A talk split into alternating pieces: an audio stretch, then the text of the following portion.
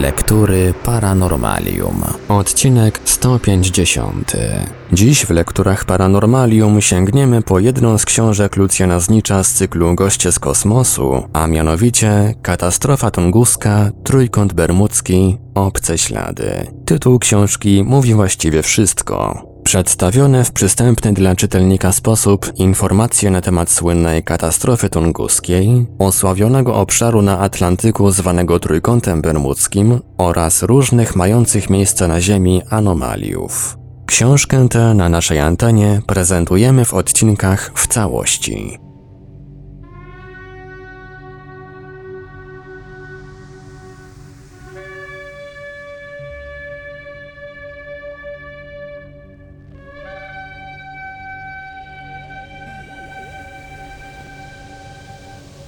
Ile jest grawitacji?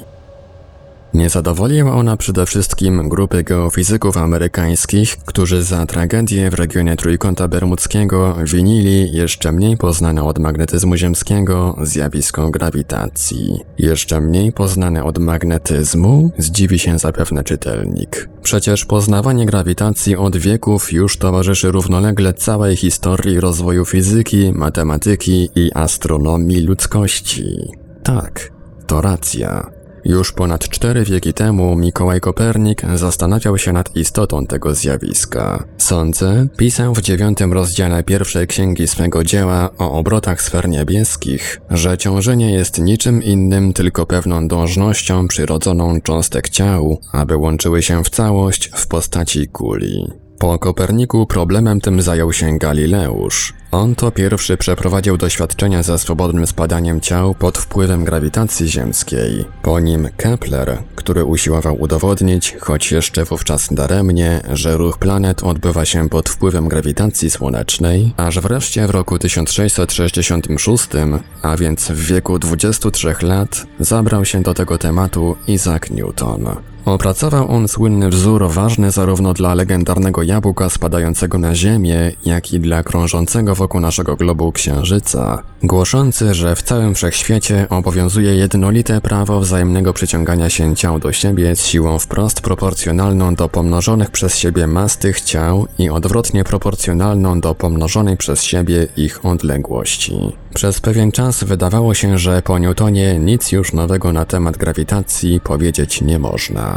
Nie potrafił on wprawdzie odkryć natury grawitacji, nie odkryliśmy tego właściwie do dzisiaj, ale, jak sam pisał, wystarcza, że grawitacja działa według praw wyżej wyłożonych i że można za pomocą niej wytłumaczyć wszystkie ruchy ciał niebieskich. Po Newtonie jednak przyszedł Einstein i w zwartym systemie grawitacji znalazł pierwszą dziurę. Zgodnie z jego ogólną teorią względności, grawitacja jest zależna nie tylko od mas, jak to twierdził Newton, ale także od przestrzeni, a nawet czasu.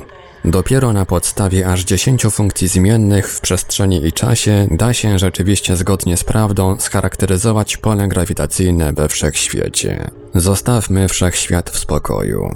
Niechże przynajmniej na naszym globie rządzą prawa Newtona. Istotnie na powierzchni Ziemi, jak wskazują wszystkie obliczenia, zachowują one swą pełną moc. Zgodnie z tymi prawami, opuszczając się z kolei w głąb Ziemi, będziemy mieli do czynienia z grawitacją stopniowo malejącą, proporcjonalnie do promienia znajdującej się wciąż jeszcze pod nami malejącej kuli, aż do punktu środkowego naszego globu, gdzie grawitacja w ogóle przestaje istnieć. Ale oto znów okazało się, że teoria Newtona swoją drogą, a praktyka swoją. Gdy zaczęto przeprowadzać pomiary w coraz głębiej drążonych szybach, J. Airy w roku 1854, N. Sternek w roku 1886, okazało się, że grawitacja ziemska nie tylko w nich stopniowo nie maleje, ale gwałtownie wzrasta. Wprawdzie Gutenberg wybrnął z tej sytuacji, stwierdzając, że grawitacja ta rośnie tylko do głębokości 2900 km, ponieważ zaczynające się tam jądro Ziemi jest wielekroć bardziej masywne od jej skorupy, ale był to już drugi cios w powszechność newtonowskiego prawa grawitacji. A jeżeli posiada ono braki w przestrzeni kosmicznej i nie zgadza się z praktyką w głębinach Ziemi, jaką właściwie mamy grawitację, że nie istnieją żadne odstępstwa od niej także i na powierzchni naszego globu. Nic dziwnego więc, że od wielu już lat szereg krajów intensywnie bada poziomy poszczególnych mórz. Oczywiście wpływ na nie mają prądy morskie i ciśnienie atmosferyczne, gęstość wody i kierunki wiatrów, czasem nawet intensywne opady czy fale powodziowe, ale równie dobrze mogą na ich poziom wpływać także jakieś anomalie grawitacyjne.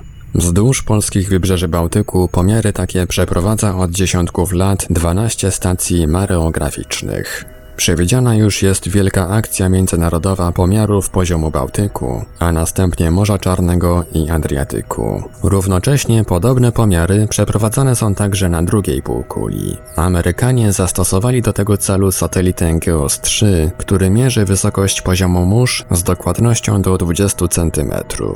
I wówczas to wyszła na jaw niezwykła osobliwość trójkąta bermudzkiego. Wody tego obszaru są obniżone w stosunku do akwenów otaczających aż o 25 metrów. W połowie roku 1978 wystrzelony został następny satelita przeznaczony do tego samego celu, CSAT, którego pomiary osiągają dokładność do 10 cm.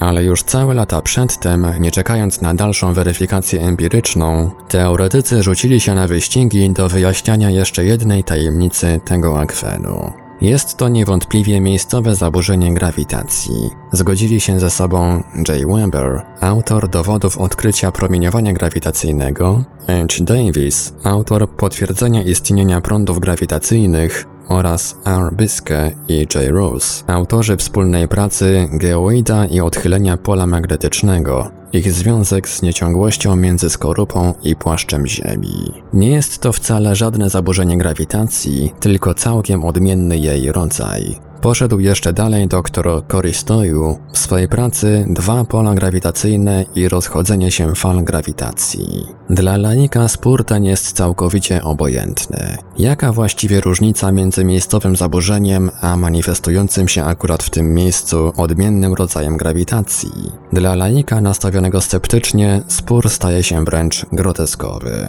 Przez ponad trzy wieki newtonowskie prawo grawitacji na powierzchni całej kuli ziemskiej działało bezbłędnie, błędnie a teraz wykryto nagle błędy tak potężne, że trwa dyskusja, czy zakwalifikować to jeszcze jako wyjątek grawitacji już nam znanej, czy też już jako pierwszy przykład istnienia grawitacji nowej, całkiem dla nas obcej.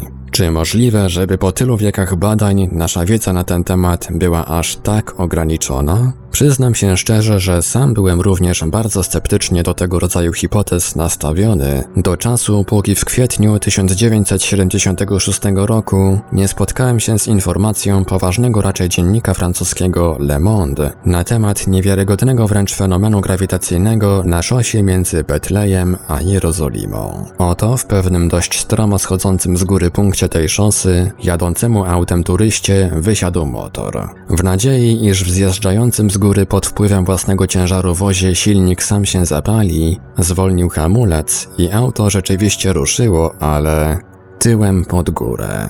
Turysta i jego towarzysze w przekonaniu, że ulegli zbiorowej halucynacji, zatrzymali najbliższe przejeżdżające auto i przeprowadzili z nim podobny eksperyment. Również i ten wóz sam ruszył pod górę.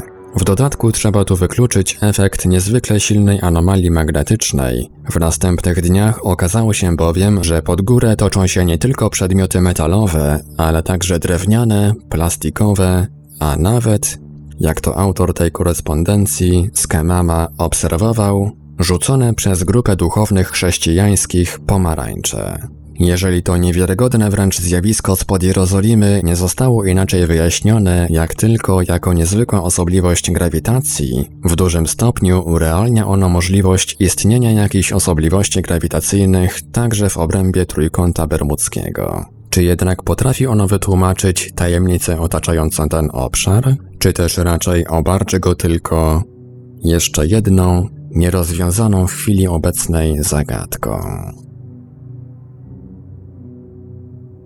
Co wiedział Kolumb? Jest jeszcze jeden fenomen, poza zakłóceniami magnetycznymi, często obserwowany na akwenie trójkąta bermudzkiego. Osobliwe zjawiska świetlne. Osobliwe, to prawda, lecz ileż im jeszcze dodatkowej osobliwości dodają różne interpretacje. Zacznijmy znów od wspomnień, na które często się powołują współcześni specjaliści od Trójkąta Bermudzkiego, pierwszego przedstawiciela naszej cywilizacji na tym terenie, Krzysztofa Kolumba. Sobota, 15 września. W ciągu nocy i dnia przeszliśmy 27 lig, a nawet więcej, w kierunku zachodnim. Czytamy w jego dzienniku. Nocą, na samym jej początku, widać było jak z nieba wpadła do morza w odległości 4-5 lig od statku ognista gałąź. Koniec cytatu. Charles Berlitz w swojej książce The Bermuda Triangle tak oto relacjonuje ten fragment dziennika wielkiego odkrywcy. Kolumb 15 września 1492 roku zauważył w zachodniej części Morza Sargasowego potężny promień ognia, który przejechał przez niebo i zgasł w morzu. Kontynuatorzy Berlitza piszą następnie już o ognistej kuli lub wręcz o jasno oświetlonym, nieznanym obiekcie latającym, który na oczach Kolumba w samym środku trójkąta bermudzkiego zanurzył się w morzu. Równie absurdalne zresztą tłumaczenie wysuwają zwolennicy racjonalnego wyjaśnienia oglądanego przez Kolumba fenomenu. Oto Janisławski w swym Trójkącie Śmierci wydanym w 1977 roku, powołując się na wspomnienia duńskiego botanika Fostera, który twierdził, że w Morzu Sargasowym żyje duża ilość fosforyzujących ryb i mięczaków, pisze, że owa tajemnicza kula ognia może być wytłumaczona fosforescencją bujnej roślinności Morza Sargasowego. Nie ma chyba potrzeby uzasadniać, że Kolumb nie mógł nazwać fosforescencji powierzchni morza ognistą gałęzią, która w dodatku z nieba wpadła do morza w odległości zaledwie około 20 km od statku. Istnieje natomiast potrzeba stwierdzenia, że cały ten wypadek zdarzył się Kolumbowi zaledwie 8 dni po opuszczeniu przezeń Wysp Kanaryjskich, a bez mała miesiąc przed dotarciem do pierwszych wysp Nowego Świata, a więc musiało się to zdarzyć nie tylko w olbrzymiej odległości od Trójkąta Bermudzkiego, ale także od Morza Sargasowego. Chmura czy obiekt kosmiczny? Zresztą po co właściwie naciągać odległe i lakoniczne świadectwo Kolumba, skoro i bez niego mamy dość i bliższych nam, i bardziej szczegółowych relacji na temat dziwnych zjawisk świetlnych na terenie Trójkąta Bermudzkiego. Oto chociażby opublikowane w roku 1976 w Gazecie Pomorskiej wspomnienia kapitana żeglugi wielkiej jachtowej Pinkiewicza, który jako dowódca Hetmana dwukrotnie przepłynął Trójkąt Bermudzki. Kiedy płynęliśmy z Kuby, pisze on, zaobserwowałem niesamowite zjawisko. Oto w dzień było piękne słońce, noce natomiast były nieustannie rozjaśniane błyskawicami, ale bez grzmotu. Ich obfitość była niespotykana. Właściwie nie było nocy, a stałe światło błyskawic. To robiło wrażenie, zaś nasza antena na maszcie była niemal biała. Jeszcze bardziej malowniczo opowiada o tych dziwnych burzach nocnych inny Polak, Szczepaniak, który był jednym z siedmiu członków polskiego jachtu przepływającego ten akwen. Pewnej nocy po alarmującym okrzyku sternika wyskoczyliśmy wszyscy na pokład z dreszczem prawdziwej emocji. Chmura była tuż, tuż. Czarna, posępna, rozpierająca się od horyzontu aż tu na połowę nieba, gasząca coraz to nowe gwiazdy i cicha. Nie wyskoczył spod niej ku nam żaden wiatr, żaden szkwał śmierci. A przecież drgnęliśmy wszyscy, kiedy nagle gdzieś tam w jej wnętrznościach rozbłysło białe światło. Złota kula, która zapaliła się na moment i wybuchła bezgłośnie, zostawiając po sobie jeszcze większą czernię. A potem pojawiły się następne błyski. Kule wybuchały raz po raz, głównie na obrzeżach chmury. Ich żółte, gęste światło zdawało się jeszcze przez chwilę ściekać niczym sok z rozpękłej nagle pomarańczy, zanim bez reszty wsiąkło w ciemność. Trwało to wszystko kwadrans, może trochę mniej. Potem zjawił się nagle wiatr, który odepchnął nas od dziwnej chmury, odsłaniającej na powrót gwiazdy coraz wątlejsze i bledsze, jak to bywało przed każdym nowym świtem. Koniec cytatu.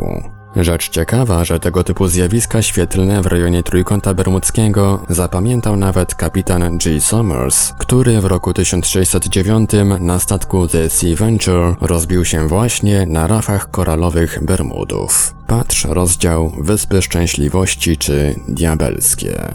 Według sekretarza stanu Virginia W. Strachey'a w noc przed burzą, w wyniku której statek zatonął, kapitan Somers ujrzał nad masztem okrętu świecący punkt podobny do gwiazdy. Zniknął on wkrótce, a na morzu zapanowała następnie zupełna ciemność. Dość podobna przygoda, z towarzyszącymi ponadto zakłóceniami natury elektromagnetycznej, spotkała we wrześniu 1972 roku dieselowską łódź Koszmar Nocny.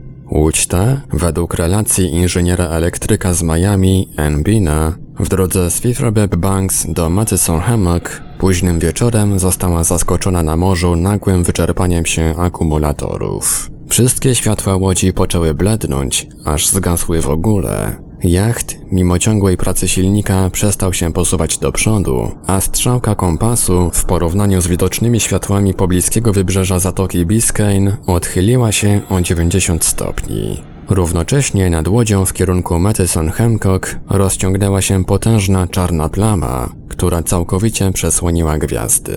Po pewnym czasie ujrzano jakieś lecące światło, które pochłonęła czarna plama, a następnie znikła i ona. W moment później wszystkie elektryczne urządzenia łodzi wróciły do normy. I wreszcie jeszcze jedna, tym razem najobszerniejsza relacja o zjawiskach tegoż typu, przytoczona w pracy pod tytułem Magnetische Registrierung Ubekannter Flugobjekte przez pana Schneidera. Tydzień przed Bożym Narodzeniem 1957 roku miał miejsce inny, niezwykły wypadek. Zaopatrzony w dieselowski motor 10-metrowy kuter rybacki wziął kurs na Freeport na Bahamach. Nagle przestał funkcjonować generator prądu i radio, a strzałka kompasu poczęła jednostajnie obracać się w kółko. Mimo iż motor pracował, łódź przez kilka godzin nie tylko nie posunęła się naprzód, ale nawet o kilka mil się cofnęła.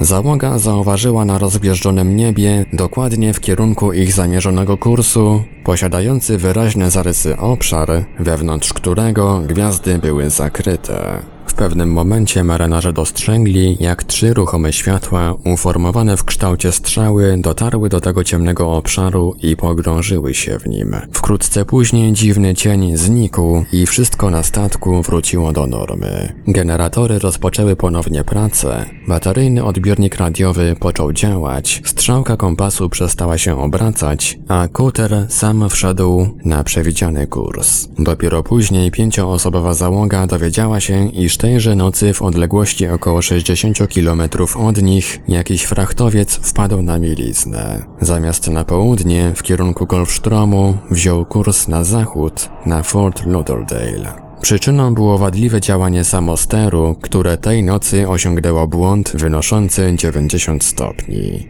Koniec cytatu. Nie będę tutaj powracał do zakłóceń magnetycznych, które zostały już dostatecznie obszernie omówione. Zastanówmy się tym razem wyłącznie nad fenomenami świetlnymi.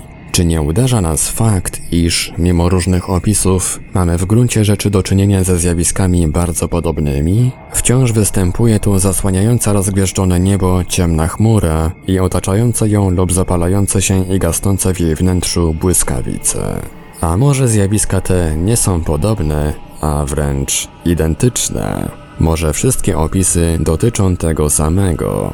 Tyle tylko, że jedni nazywają to chmurą i błyskawicami, a inni czarną plamą i światłami. Byłby to piękny przykład, jak wierny opis tego samego zjawiska, tylko dzięki użyciu przez różnych świadków odmiennej nomenklatury, może być wręcz przeciwstawnie wytłumaczony.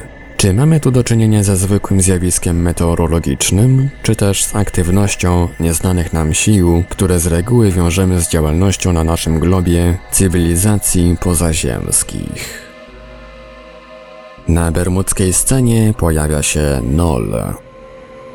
Tego drugiego wniosku też nie możemy odrzucić a priori. I to nie tylko z tego względu, iż właśnie na tym założeniu opiera się następna obszerna grupa hipotez dotyczących katastrof w Trójkącie Bermudzkim, także dlatego, że zwolennicy tego punktu widzenia dysponują szeregiem świadectw, opowieści, a w najgorszym wypadku domniemań sugerujących szczególną aktywność w tym rejonie tzw. Tak UFO Unidentified Flying Objects nieznanych obiektów latających. Oto niejaki Dolmenico, kapitan statku dwukrotnie przepływającego w kwietniu 1973 roku przez Trójkąt Bermudzki twierdzi, iż dwa razy w okolicach Great Isaac na północ od Bimini zetknął się z takimi nieznanymi obiektami. Pierwszy raz były to dwa obiekty o kształcie wrzecionowatym, które bardzo szybko zanurzyły się w wodzie. Drugi raz, zaledwie kilka dni później, statek Dolmenika natknął się na jeden obiekt, białowo-szary, w kształcie cygara z lekko zaokrąglonym końcem. Obiekt wynurzył się z wody tuż przed dziobem statku. Jego wielkość obserwatorzy oszacowali na 450 do 460 metrów długości, a prędkość, z jaką się od nich oddalał, na 90-100 km na godzinę. Świadkowie twierdzą, iż obiekt ten nie posiadał żadnych okien ani luków. Jeżeli założymy nawet, nie bez pewnych racji, że tajemnicze obiekty Dolmenika były tylko wielorybami, to już obserwacja następnego żeglarza, kapitana J. Carpentiera, jest klasycznym wręcz sprawozdaniem ze spotkania UFO. I ono zdarzyło się w pobliżu Bimini, tym razem jednak w nocy, podczas pełni księżycowej. W pewnym momencie Carpentier zauważył, że woda miast światła księżyca odbija jakieś inne, intensywne, niebieskawe światło. Spojrzałem w górę i nie wierzyłem własnym oczom. Przedstawmy ten wypadek słowami Carpentiera. Ponad statkiem znajdowały się dwa błyszczące obiekty, które przypominały zielone dyski. Oczyma śledziłem je przez dłuższy czas.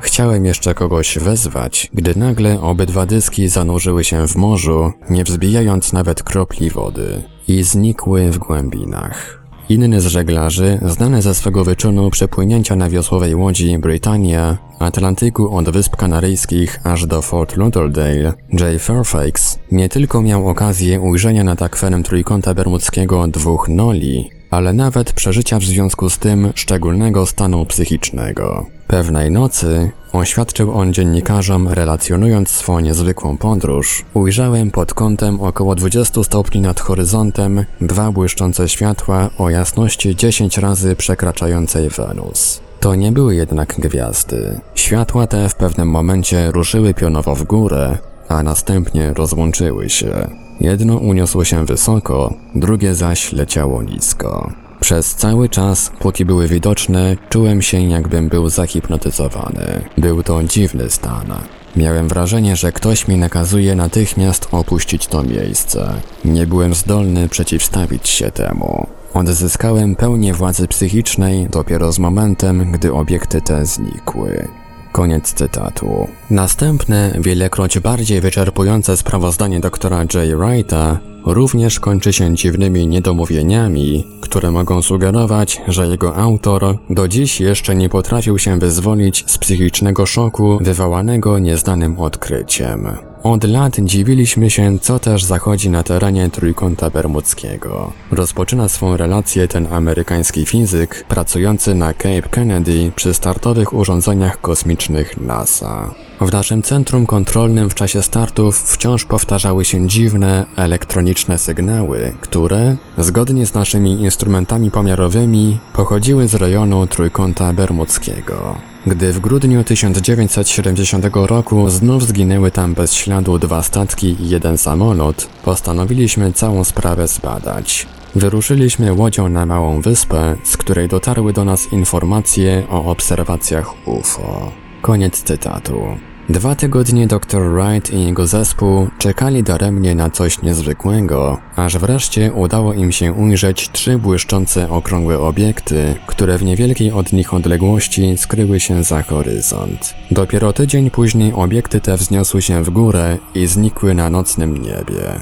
Dr Wright podpłynął swą łodzią bliżej, by następne lądowanie móc zaobserwować z mniejszej odległości. Jakoś po dwóch tygodniach trzy obiekty ponownie wróciły na Ziemię i wylądowały tak blisko, że, jak mówi Wright, mogliśmy zaobserwować po dwa małe okienka w bardzo małych pojazdach.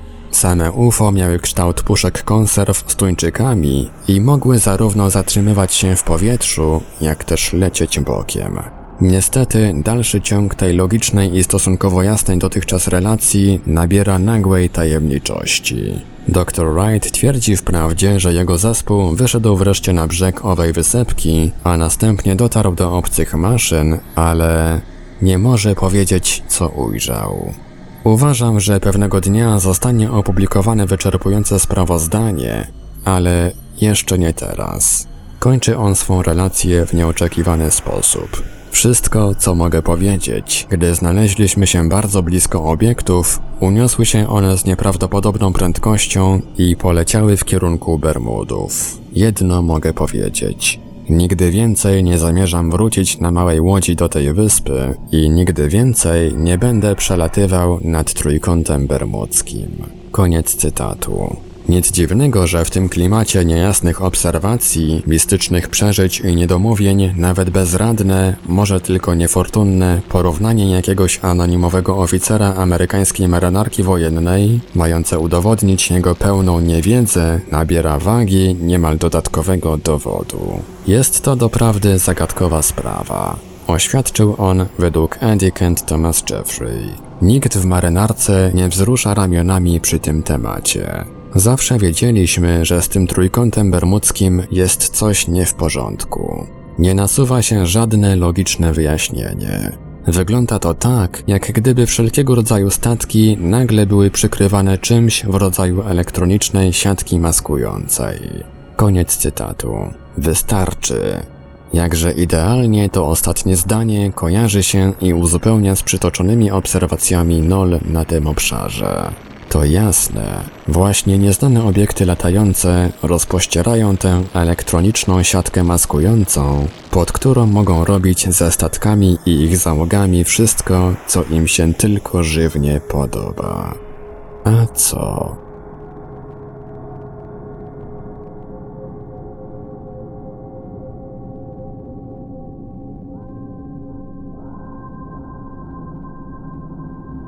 W Radiu Paranormalium zaprezentowaliśmy fragment książki Lucjana Znicza Katastrofa Tunguska, Trójkąt Bermudzki, Obce Ślady. Dalszy ciąg w kolejnym odcinku Lektur Paranormalium. Archiwalne odcinki Lektur Paranormalium znajdziesz do pobrania w archiwum naszego radia na stronie www.paranormalium.pl